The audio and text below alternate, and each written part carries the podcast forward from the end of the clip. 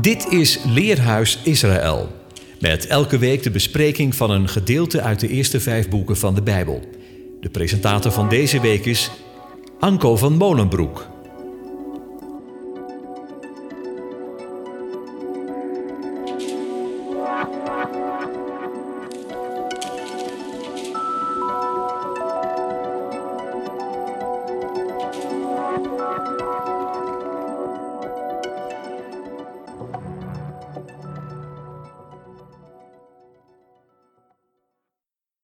Shalom luisteraars, welkom bij het Leerhuis van Radio Israël. De genade en vrede van onze Heer Jezus zijn met jullie allemaal. Zingt u graag? Op de lagere school zongen wij vroeger uit het gezangenboekje Kun je zingen, zing dan mee. Overigens, wie niet kon zingen, mocht toch meedoen.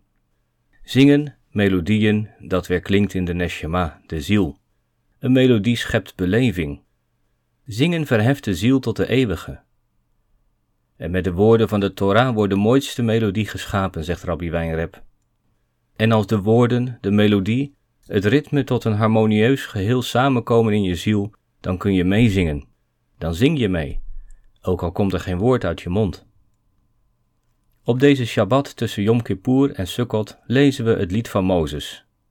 De Torah-lezing is de Varim, Deuteronomium 32. Er staan vijf liederen in de Tenach, die elk een einde en een begin van een periode markeren. Het eerste is het lied bij de Rode Zee na de uittocht. Het tweede is het lied van Mozes na de woestijntocht. Het derde is het lied van Jozua na de dood van de 31 koningen. En dan krijgen we het lied van Deborah na de overwinning van het noorden. Het lied van David, dat gaat over de vestiging van het koninkrijk. En dit lied staat in 2 Samuel 22 en dat is ook de Haftara-lezing. De eerste twee liederen na de uittocht en voor de intocht markeren ook het begin en het einde van de woestijnreis. Het begin van de verlossing en de voltooiing ervan. Aan het begin zongen Mozes en de kinderen Israëls: De ene is een man van de oorlog. Maar wat zingt Mozes aan het einde? We gaan het lezen en bestuderen. We zullen zien dat dit lied, deze Shirat Ha-Azinu, een zeer profetisch lied is. Waarom gaat de oude Mozes nu ineens zingen? Voor het antwoord daarop moeten we even terug naar het vorige hoofdstuk. In Deuteronomium 31, vers 19 lezen we: Welnu, schrijf voor u deze zang op en leer haar de zonen Israëls. Leg haar in de mond, opdat ze voor mij zal wezen. Deze zang tot een getuigenis tegen de zonen van Israël. Het lied van Mozes is een getuigenis. En het is de bedoeling dat de kinderen Israëls dat lied uit hun hoofd kennen. Mozes heeft al zoveel gezegd, zoveel onderwijzingen, zoveel vermaningen. Op deze laatste levensdag prent hij zijn geliefde volk nog één keer in wat er in de toekomst zal gebeuren. En hij wint er geen doekjes om. Het is zijn laatste dag op aarde. Zou je er dan nog omheen draaien? Nee toch. Maar hij doet het wel op een wonderschone wijze, in de vorm van een lied. Op de Torahrol is het lied van Mozes in twee kolommen geschreven. Het bestaat uit twee keer drie delen. De delen 1 en 6 corresponderen met elkaar, 2 en 5 horen bij elkaar en de delen 3 en 4. Er staan versen in de verleden tijd. Dan wordt in het Hebreeuws de vrouwelijke vorm gebruikt. Als het om de toekomst gaat, dan wordt de mannelijke vorm gebruikt. Het mannelijke is het geestelijke. Dat wat niet gezien wordt, nog niet. Het vrouwelijke is de vorm, dat wat er concreet is en is geweest. Het thema voor dit leerhuis is Mozes lied als een getuige van de toekomst van Israël. In drie delen lopen we dit lied met elkaar door. Ik lees uit de Naardense Bijbel omdat deze niet alleen een getrouwe vertaling is, maar het lied ook dichterlijk weergeeft. In het eerste deel lezen we vers 1 tot 6 en 7 tot 12. Dat gaat over de keuze van de ene voor zijn volk uit de volken. In deel 2 lezen we vers 13 tot 18 en vers 19 tot 27 dat gaat over de keuze van het volk en de keuze van de volken. Deel 3 handelt over Gods keuze voor het recht en voor zijn naam.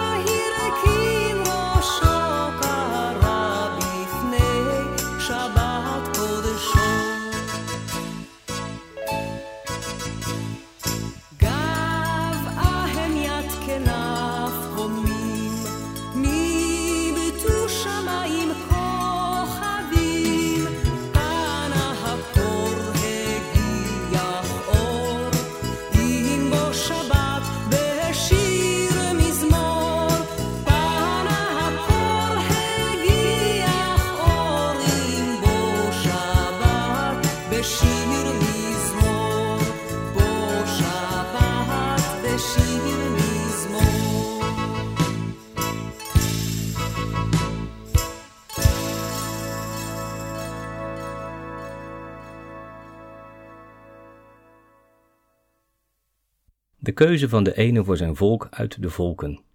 We lezen de Varim 32 vers 1 tot 6. dit zou je dus eigenlijk moeten zingen. Ik laat u horen hoe dat in het Hebreeuws klinkt.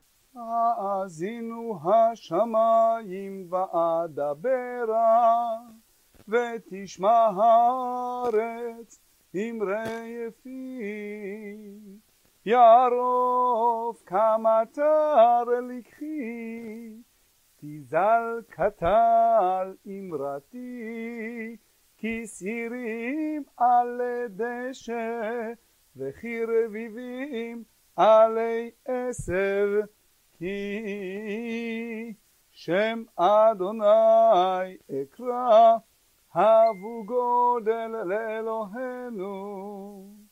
Leent het oor, hemelen, dan zal ik spreken. Hoor, o aardland, naar wat mijn mond gaat zeggen. Ha'azinu, dat wil zeggen, geeft oor. Hemel en aarde zijn getuigen van Mozes' woorden. Want bij de mond van twee of drie getuigen zal alle woord bestaan. Drie zijn er die getuigen in de hemel, drie op de aarde, zegt Johannes. En deze drie zijn één. Mozes geeft de relatie tussen hemel en aarde aan. Er is een aardse werkelijkheid en een hemelse. Een aards lichaam en een hemels lichaam. Wat op de aarde gebonden is, is in de hemel gebonden. Mozes doet dat, zegt Rashi, omdat zijn woorden de woorden van een sterfelijk mens zijn. Als de Israëlieten het verbond zullen ontkennen, we hebben het nooit geaccepteerd, wie zal dat dan weerleggen? De hemel en de aarde. Mozes' woorden hebben een geldigheid zolang hemel en aarde bestaan. Want in het begin schiep de ene de hemel en de aarde. Mozes begint dus bij de schepping. Vers 2. Ruisen als de regen wat ik doe vernemen, druipen als de dauw wat ik zeg, als nevelslierten over fris gras, als stortbuien over vers groen. Woorden zijn als water. Wij kennen het spraakwater en de spraakwaterval. De Bijbel spreekt over het waterbad van het woord. Deze week viel weer de eerste, de vroege regen in Israël. Die regen is nodig om de grond weer te doordrenken. De late regen in het voorjaar is nodig om de vrucht te laten rijpen. De dauw is de dagelijkse watervoorziening. Regen uit de hemel om het gewas op de aarde te doen groeien. Een andere vertaling zegt: Laat mijn leer neerdruppelen. Mijn leer wil zeggen mijn inzicht. Hoe zegenrijk kan het zijn om te luisteren naar, iemand met inzicht? De spreukendichter zegt: Wie wijs is, zal horen en inzicht vermeerderen. En Zofar, de vriend van Job, doet ook zijn mond open. Hij zegt: Moet de veelheid van woorden niet beantwoord worden? En heeft een man die veel praat gelijk? Zou je holle praat mensen tot zwijgen kunnen brengen? Want je hebt gezegd: Mijn inzicht is zuiver, en ik ben rein in uw ogen. Maar och, sprak God zelf maar. En dat leert ons de noodzaak om het woord van God te bestuderen. En wat doet Mozes? We lezen dat in vers 3. Want de naam van de ene roep ik uit, gunt grootheid aan onze God. Mozes roept de naam van de ene uit. Wanneer ik die naam proclameer, dan gun ik grootheid aan onze God, die hemel en aarde gemaakt heeft. Vers 4. De rots, volmaakt in zijn werk, want al zijn wegen leiden naar recht een godheid van trouw en zonder bedrog, een tzaddik, een oprechte is hij. De aanwezige is niet alleen groot, maar ook betrouwbaar. Op hem kun je bouwen. Het woord rots, troer, is een kernwoord in Mozes lied. Het heeft de notie van sterk, krachtig, geducht en hecht. En Mozes zingt, hij is volmaakt in zijn werk, in zijn schepping, in zijn keuzes, in zijn opdrachten. Dat is betrouwbaarheid. Ibn Ezra zegt dat elk kwaad dat Israël doet, veroorzaakt wordt door hun eigen kwade daden. In God is geen onrecht, al zijn wegen leiden naar recht. Vers 5. Bederven zal het voor hen die niet zijn zonen zijn, hun smet, een geslacht verkeerd en verdraaid. De ene wilt ge dat aandoen, gemeente, dwaas en onwijs? Is hij niet je vader die je verwierf? Hij die je gemaakt heeft, je heeft gefundeerd? Targum Jonathan zegt in vers 5, vertaald, de geliefde kinderen hebben hun goede werk verdorven. Dat wil zeggen, ze hebben het corrupt gemaakt, geruineerd. Dat is het Hebreeuwse woord shagat. Dat lezen we ook in Genesis 6, vers 11. De aarde was verdorven voor Gods aangezicht. Als het goede geruïneerd wordt, dan deugt het niet meer.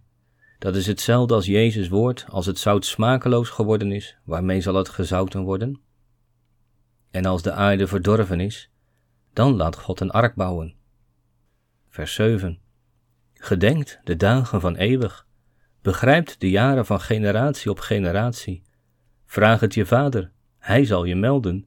Je oudsten, zij zullen je zeggen, toen hij in de hoge volkeren opdeelde, toen hij de zonen van Adam scheidde, bepaalde hij de gebieden voor gemeenschappen naar het getal van de zonen Israëls.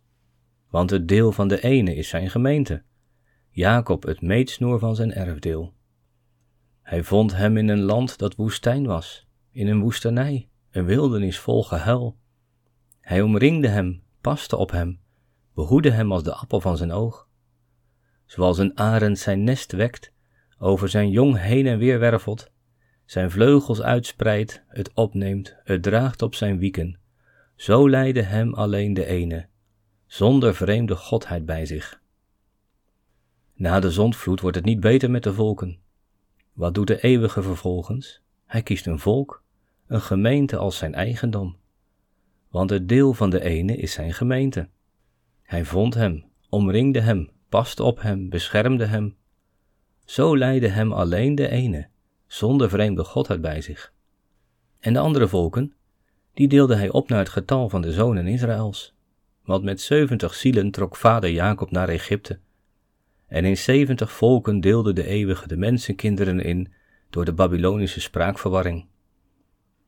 Elk van deze volken kreeg een godheid, een Elohim, een engelvorst mee. Deze engelvorst moest zijn volk leiden in opdracht van de ene. Zo stelde de eeuwige grenzen aan de volken, Rashi zegt, hij liet hen bestaan en vernietigde hen niet. Zij kregen nog een kans.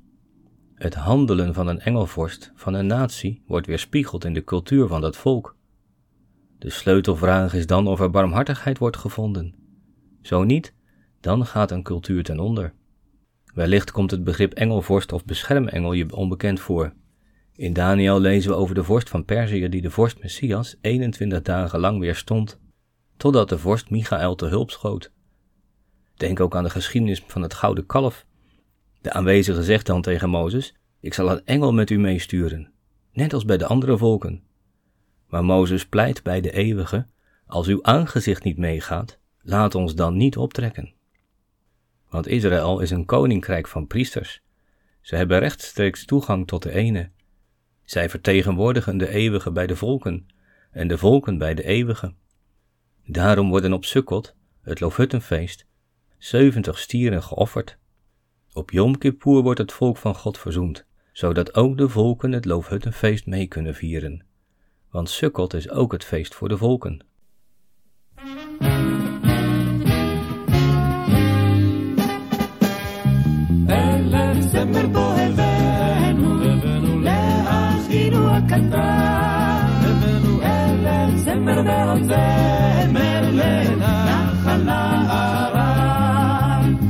גלגל גלגלנו הנה מים וגם שיר מזמור. בוא אחי נשמח איתנו שיהיה לנו האור.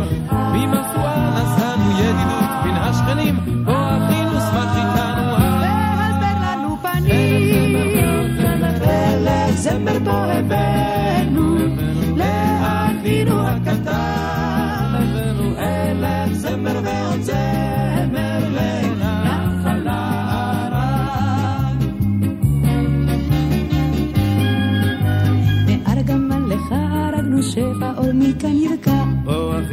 אחינו שמח איתנו ותשמח כל הבקעה מקל ישן עוד לילה יש ברכה כברכת אב בוא אחינו שמח איתנו ישמחו הרי מואב. אלף זמר בוא הבאנו לאחינו הקטן.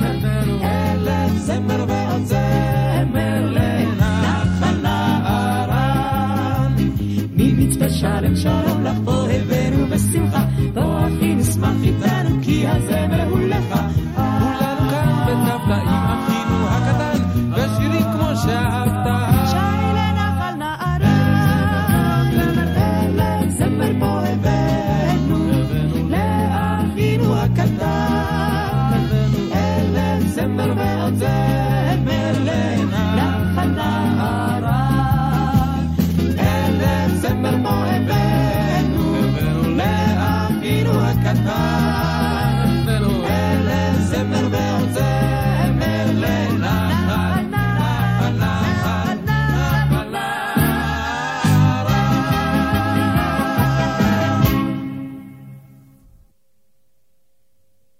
tweede punt, de keuze van het volk en de keuze van de volken.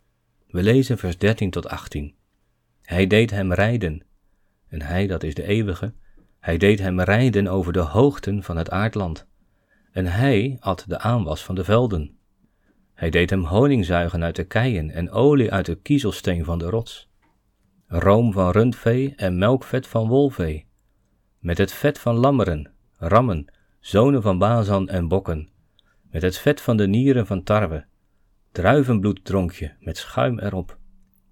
Olievet werd Jeshurun, sloeg om zich heen. Olievet werd je, opgezwollen, volgevreten. Hij verwierp de God die hem had gemaakt. Hij verachtte de rots van zijn hel. Zij tarten hem met al wat hem vreemd was. Met gruwelen hebben ze hem getergd. Ze offerden aan demonen, niet aan God. Goden die ze nooit hadden gekend. Nieuwelingen van nabij gekomen, voor wie uw vaderen nooit hadden gehuiverd. De rots die jou baarde, vergat jij. Vergeten heb je de God die jou onder weeën voortbracht. Wat doet de ene? Hij voorziet zijn volk van het beste wat de aarde biedt. Het is als de zegen van Isaac voor Jacob. Mogen God je geven van de dauw van de hemel, van de vruchtbare streken van de aarde, overvloed van koren en nieuwe wijn. Olie vet wordt Jeshurun. Het klinkt alsof Jeshurun zich gewoon heeft volgevreten, alleen aan zichzelf denkt, terwijl Jeshurun wil zeggen, de rechtopgaande, het godvrezende volk, frank en vrij. Maar de rechtopgaande is de hoogmoedige geworden. Dat krijg je als je wel de gave geniet, maar de gever vergeet. Als je de weldaden krijgt, maar de weldoener veracht. Jeshurun verachtte de rots van zijn hel, het soer Yeshatu. Dat is de zaligheid, het heil waarop Jacob wachtte. Dat is het heil van Hashem dat hij het volk deed door de Egyptenaren te laten omkomen in de Schelfzee. Maar het volk verachtte hem. Het woordje verachten is nabal, dwaas. Het volk achtte de rots van hun heil als dwaasheid. Een rabbi zegt, je hebt de macht van God zo verzwakt dat hij geen goed kon doen. Luisteraar, als ouder gun je je kinderen het allerbeste. En hoe zou je reageren als je kinderen al jouw inspanningen enkel met ondankbaarheid en minachting beantwoorden? Ik zou me diep gekwetst voelen. Dit is wat Mozes over de ene zegt, vers 19. De ene zag dat en verachtte je, uit ergernis over zijn zonen en dochters. Hij zei: Ik verberg mijn aanschijn voor hen. Ik wil zien wat hun toekomst zal zijn. Want een generatie van slinkse streken zijn zij, zonen zonder trouw in zich. Ze hebben mij getart met wat geen God is, getergd met hun dwaasheden. Nu zal ik hen tarten met wat geen gemeente is. Met een dwaas volk zal ik hen tergen. Want een vuur is aangestoken in mijn woede en brandt tot in het schimmerrijk beneden. Het vreet het land op en wat erop groeit. Het verschroeit de grondvesten van de bergen. Ik verzamel tegen hen kwellingen. Mijn pijlen schiet ik tot op de laatste op hen af. Zijn ze uitgeput van honger, verteerd door koorts en bittere pest? Dan laat ik de tand van dieren op hen los, met het venijn van de kruipers in het stof. Op straat maakt het zwaard kinderloos, en binnen kamers ontzetting, zowel jonge man als maagd, zuigeling en grijshaard samen. Ik zei al, ik sla ze in splinters. Ik snijd hun gedachtenis bij de mensheid af. Ware het niet dat ik de hoon van mijn vijand vreesde, dat hun benauwers het zouden miskennen, dat ze zouden zeggen, onze geheven hand, en niet de ene heeft dit alles verricht. Want een volk verstoken van beraad zijn zij, er is bij hen geen verstand. Een rabbijn merkt op dat dit lied een terrible poem is, een verschrikkelijk gedicht. Hier lijkt het op te houden voor het volk. De eeuwige zegt, ik snijd hun gedachtenis bij de mensheid af, alsof ze nooit hebben bestaan. Ware het niet dat de benauwers zouden zeggen, dat hebben wij allemaal verricht, en niet de ene. Dus dat, wat de ene zegt te willen doen, dat doen de volken aan het volk van God. En hier komt de omslag in het lied, want het volk heeft het verbruid. Daar viel geen eer aan te behalen. Maar nu komt de eer van de eeuwige in het geding. En hij is een jaloers God, want zijn volk, dat is zijn oogappel. Dat is het derde punt.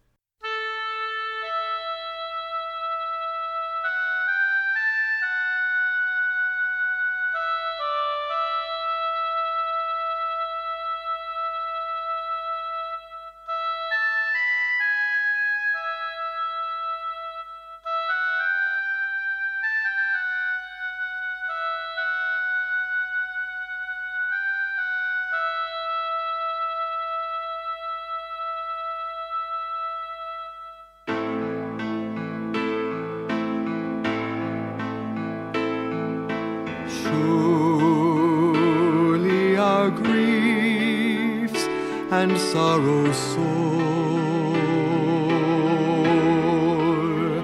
Our pains and sickness have been carried by the Lord.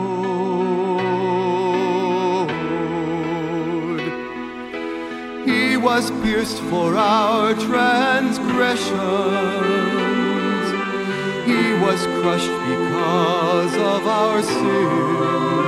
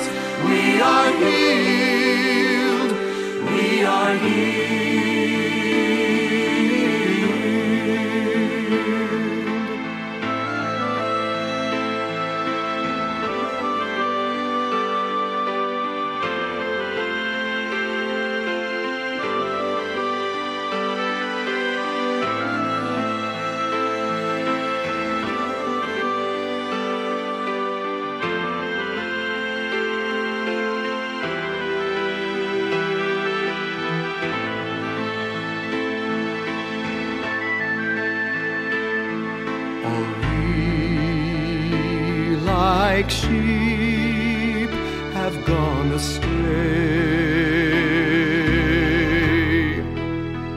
and we have turned everyone to his own way.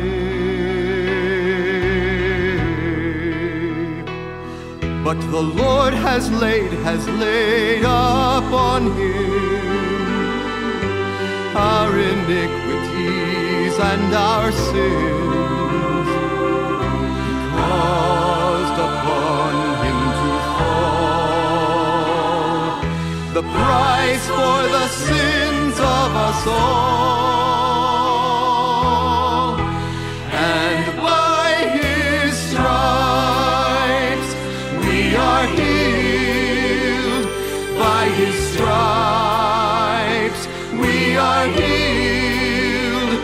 By his stripes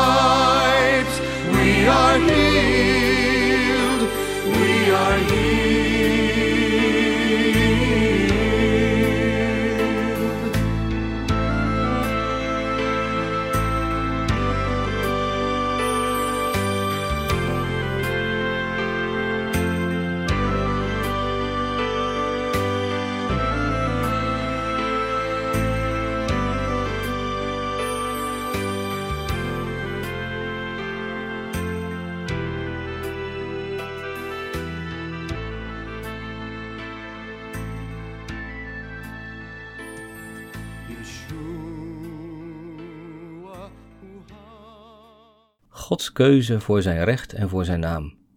We lezen vers 29 tot 39. Ach, waren ze wijs, ze zouden dit begrijpen. Ze zouden iets verstaan van hun toekomst. Hoe ooit verjaagt één een duizendtal en laten twee een veelvoud vluchten? Als het niet is omdat hun rots hen verkocht heeft, de ene hen heeft prijsgegeven, omdat hun rots niet is als onze rots. Onze vijanden kunnen erover oordelen. Omdat hun wijnstok een wijnstok van Sodom is, van de hellingen van Gomorra komt. Giftige besjes zijn hun druiven, trossen bitterheid krijgen ze.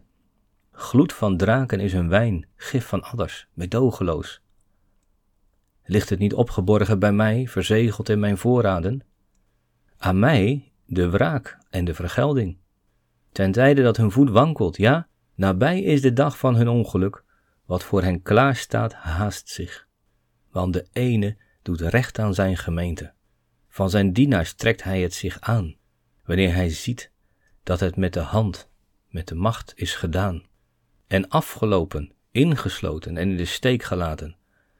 Zal hij zeggen, waar zijn nu hun goden, de rots bij wie ze schuilden, die het vet van hun offers opaten en de wijn van hun plenggaven dronken? Laten die opstaan en u helpen. Laat hij uw bescherming nu wezen. ziet in, nu het de tijd is, dat ik het ben, ik, en geen godheden naast mij. Ik maak dood en doe leven. Heb ik verwond? Ik wil genezen. Geen die ontrukt aan mijn hand. De volken moeten niet denken dat ze het voor het zeggen hebben. Want hoe zou één van hen er duizend van het volk van God kunnen verjagen, als niet hun rots, die van het heil, hen niet had prijsgegeven? Hun rots is niet als onze rots, zegt Mozes. De vijanden voeden zich met giftige besjes in plaats van druiven, met drakenbloed in plaats van druivenbloed. Die vijandschap hebben we deze week weer gezien in de Duitse Halle. Houdt de haat dan nooit op? Maar de eeuwige ziet het en hij vergeet het niet. Hij zegt: Aan mij is de wraak de vergelding. Want de ene doet recht aan zijn gemeente. Hij doet het op zijn tijd. Vers 40. Ja, ik zal mijn hand opheffen naar de hemel en zeggen: Ik leef in eeuwigheid. Als ik de bliksem getand heb, mijn zwaard, zal mijn hand in het gericht daarnaar grijpen. Breng ik op mijn beurt wraak over mijn benauwers en over mijn haters vergelding. Ik maak mijn pijlen dronken van hun bloed. Mijn zwaard vreet dan vlees, van het bloed van de doorboorde en de gevangenen uit het harige hoofd van de vijand. Bejubelt volken zijn gemeente, want het bloed van zijn dienaars wreekt hij. Met wraak keert hij terug bij wie hem benauwden. Verzoening brengt hij over zijn rode grond, zijn gemeente. De rollen worden omgedraaid. Het zijn niet de volken die Gods volk benauwen, maar de eeuwige die de benauwdheid over de volken zal brengen. Haast ongemerkt zijn we van de verleden tijd in de toekomende gekomen. Dat is wat in de toekomst zal gebeuren. Nog steeds is het volk van de eeuwige in benauwdheid, totdat de Messias uittrekt als de rots van hun hel en verzoening brengt over zijn rode grond, zijn gemeente. Want hij is de rots wiens werk volkomen is. Hij noemt Simon met de naam Petrus, want op deze Petra zal ik mijn gemeente bouwen, totdat het zal zijn één herder en één kudde, grazend in groene weiden. Dan klinkt opnieuw het lied van Mozes en van het lam. Kun je dan zingen? Zing dan mee.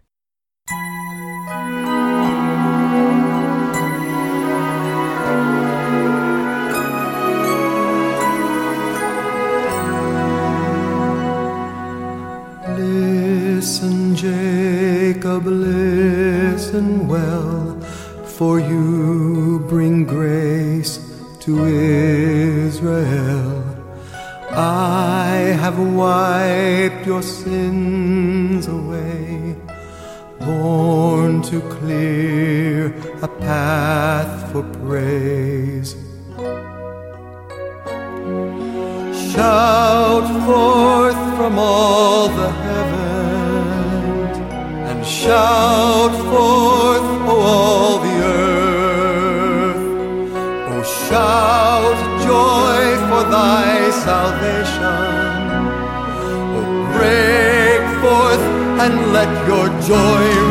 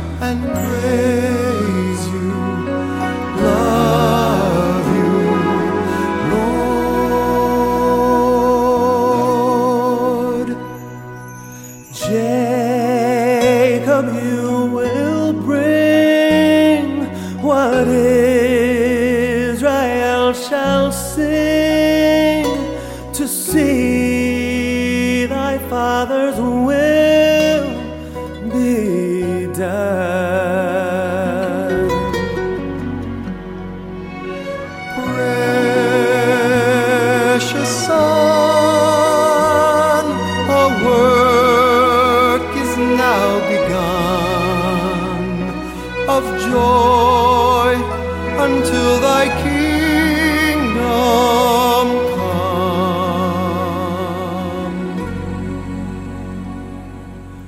Some say only time will tell what Jacob means to Israel.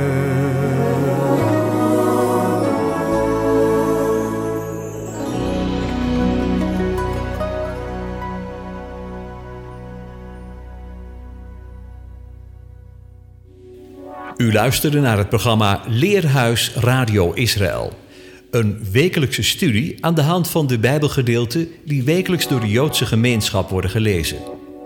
Heeft u een vraag of opmerking?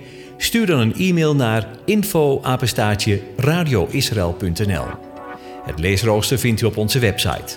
Ga naar radioisrael.nl en klik onder het kopje radio op programma's.